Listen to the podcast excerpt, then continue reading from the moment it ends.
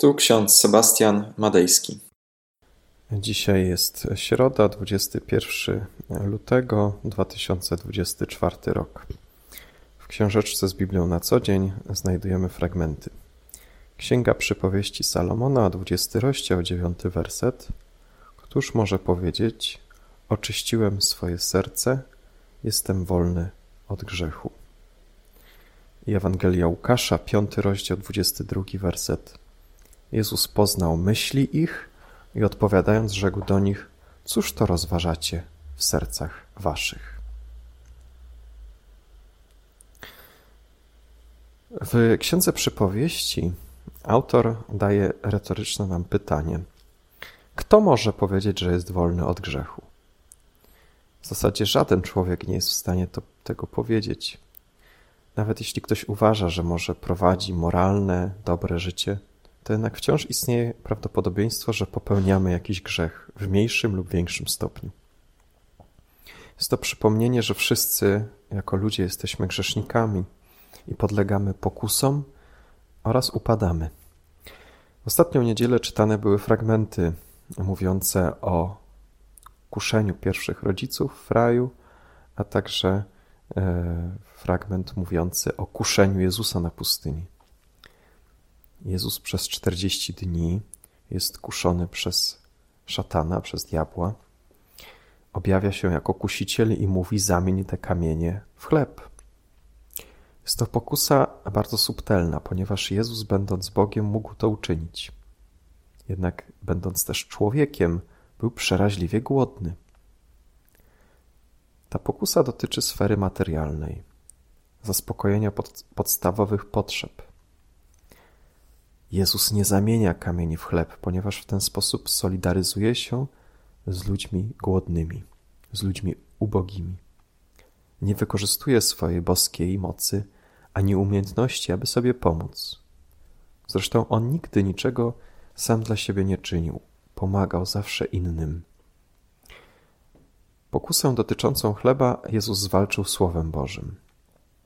I tam przywołał fragment z Księgi Powtórzonego Prawa, kiedy to Izrael zapomniał o tym, że nie samym chlebem żyje człowiek, ale Słowem Bożym, które pochodzi z ust pańskich. Ważne jest, aby zauważyć w tym fragmencie przesłanie. Bóg zaopatruje.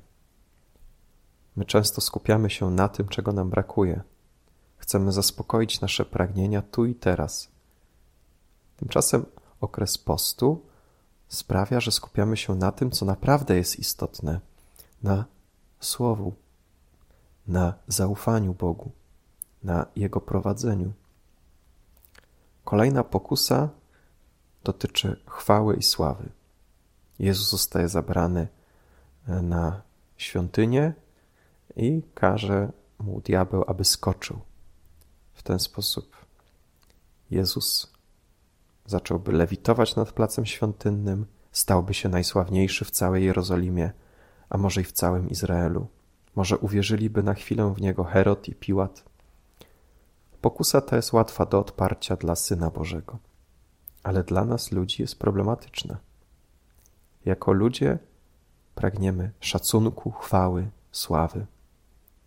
Młodzież współcześnie bardzo wiele zrobi, aby otrzymać tysiące lajków na Instagramie, TikToku czy na innych portalach społecznościowych. Ta pokusa jest nadal aktualna, abyśmy wyróżnili się w tym świecie, aby inni nas docenili, aby nas zauważyli. Kusiciel posługuje się w tym miejscu fragmentem Pisma Świętego. Jednak jest on wyrwany z kontekstu. Jezus natomiast oczywiście nie wdaje się w polemikę, ale wskazuje na to, że e, to nie, wcale nie chodzi o to, aby kusić Boga. Nie można wystawiać Boga na próbę. Nie można szafować Słowem Bożym. Nie można traktować go w sposób magiczny.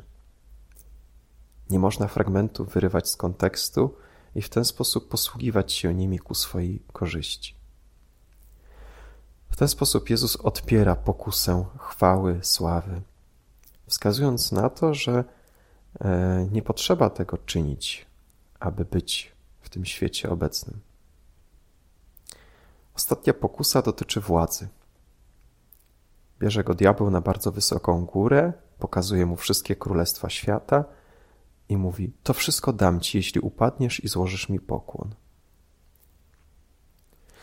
Ta pokusa e, dla Syna Bożego jest łatwa do odparcia, ale dla nas jest bardzo trudna. Syn Boży panuje nad wszystkim, a zarazem Jego królestwo nie jest z tego świata. Z jednej strony można powiedzieć, dlaczego Jezus nie pokłonił się. Przecież wielokrotnie mówił o tym, że należy być sługą dla innych, należy być pokornym. Taki pokłon świadczyłby o jego pokorze. No tak, ale Jezus nie pokłoni się kusicielowi, ponieważ to by oznaczało, e, że Jezus uznaje władzę szatana nad tym światem, nad królestwami tego świata. Tymczasem e, Jezus jest świadomy, kim jest i do kogo należy. Przypomina, tylko Panu Bogu swemu pokłon oddawać i Jemu służyć będziesz. I to jest ważne przesłanie, że my często jako ludzie chcemy władzy, chcemy panować nad innymi. Niejednokrotnie w historii świata do władzy dochodzili tacy, którzy byli w stanie się wszystko poświęcić, aby tylko panować nad kolejnymi terytoriami, nad kolejnymi ludami. Jednak Jezus tego nie czyni. Przypomina, że e, do Boga należy cała ta ziemia. Fragment Ewangelii mówiący o kuszeniu Jezusa wskazuje nam przede wszystkim na autorytet Jezusa, a także i na naszą słabość. Jezus pomyślnie przechodzi przez wszystkie próby. Zresztą Jezus odnosi się do ludzkich pokus i do ludzkiego szemrania w sposób bardzo zdecydowany i autentyczny. W Ewangelii Łukasza Jezus pyta swoich oponentów, co rozważacie w swoich sercach. Jest to pytanie, które odnosi się do intencji, do motywów ich działań. Jezus wnikliwie poznaje ludzkie serca wie, co kryje się w głębi naszej duszy. Jego pytanie stawia przed nami wyzwanie do zastanowienia się nad naszymi pokusami, nad naszymi intencjami, nad naszymi zamierzeniami. Dzisiejsze fragmenty z Pisma Świętego prowokują do refleksji nad naszym życiem duchowym, nad naszym życiem moralnym. Czy jesteśmy świadomi naszych pokus? Czy jesteśmy świadomi naszych grzechów? Czy pragniemy się nawrócić? Czy nasze działania są zgodne z naszymi wewnętrznymi przekonaniami i wartościami? Są to pytania, na które każdy z nas musi sobie odpowiedzieć. I warto jest pamiętać, że my należymy do Boga, który jest władcą tego świata. Powinniśmy pamiętać o tym szczególnie wtedy, kiedy różnego rodzaju pokusy różnego rodzaju kusiciele przyjdą i będą chcieli nam podważyć nasz status. Wzywa nas do tego Pismo Święte, abyśmy na nowo oczyścili nasze serca i przyznali się, że jesteśmy grzesznikami i popełniamy błędy. Ale dzięki Chrystusowi, który przeszedł przez pustynię, przez pokusy, przez śmierć nawet, dzięki niemu jesteśmy wolni i usprawiedliwieni. Amen. Pomódlmy się. Wszechmogący Panie miłosierny Boży, nie wódź nas na pokuszenie, ale nas zbaw od złego. Amen. A pokój Boży, który przewyższa wszelki rozum, niechaj strzeże serc naszych i myśli naszych. W Panu naszym Jezusie Chrystusie, ku żywotowi wiecznemu. Amen.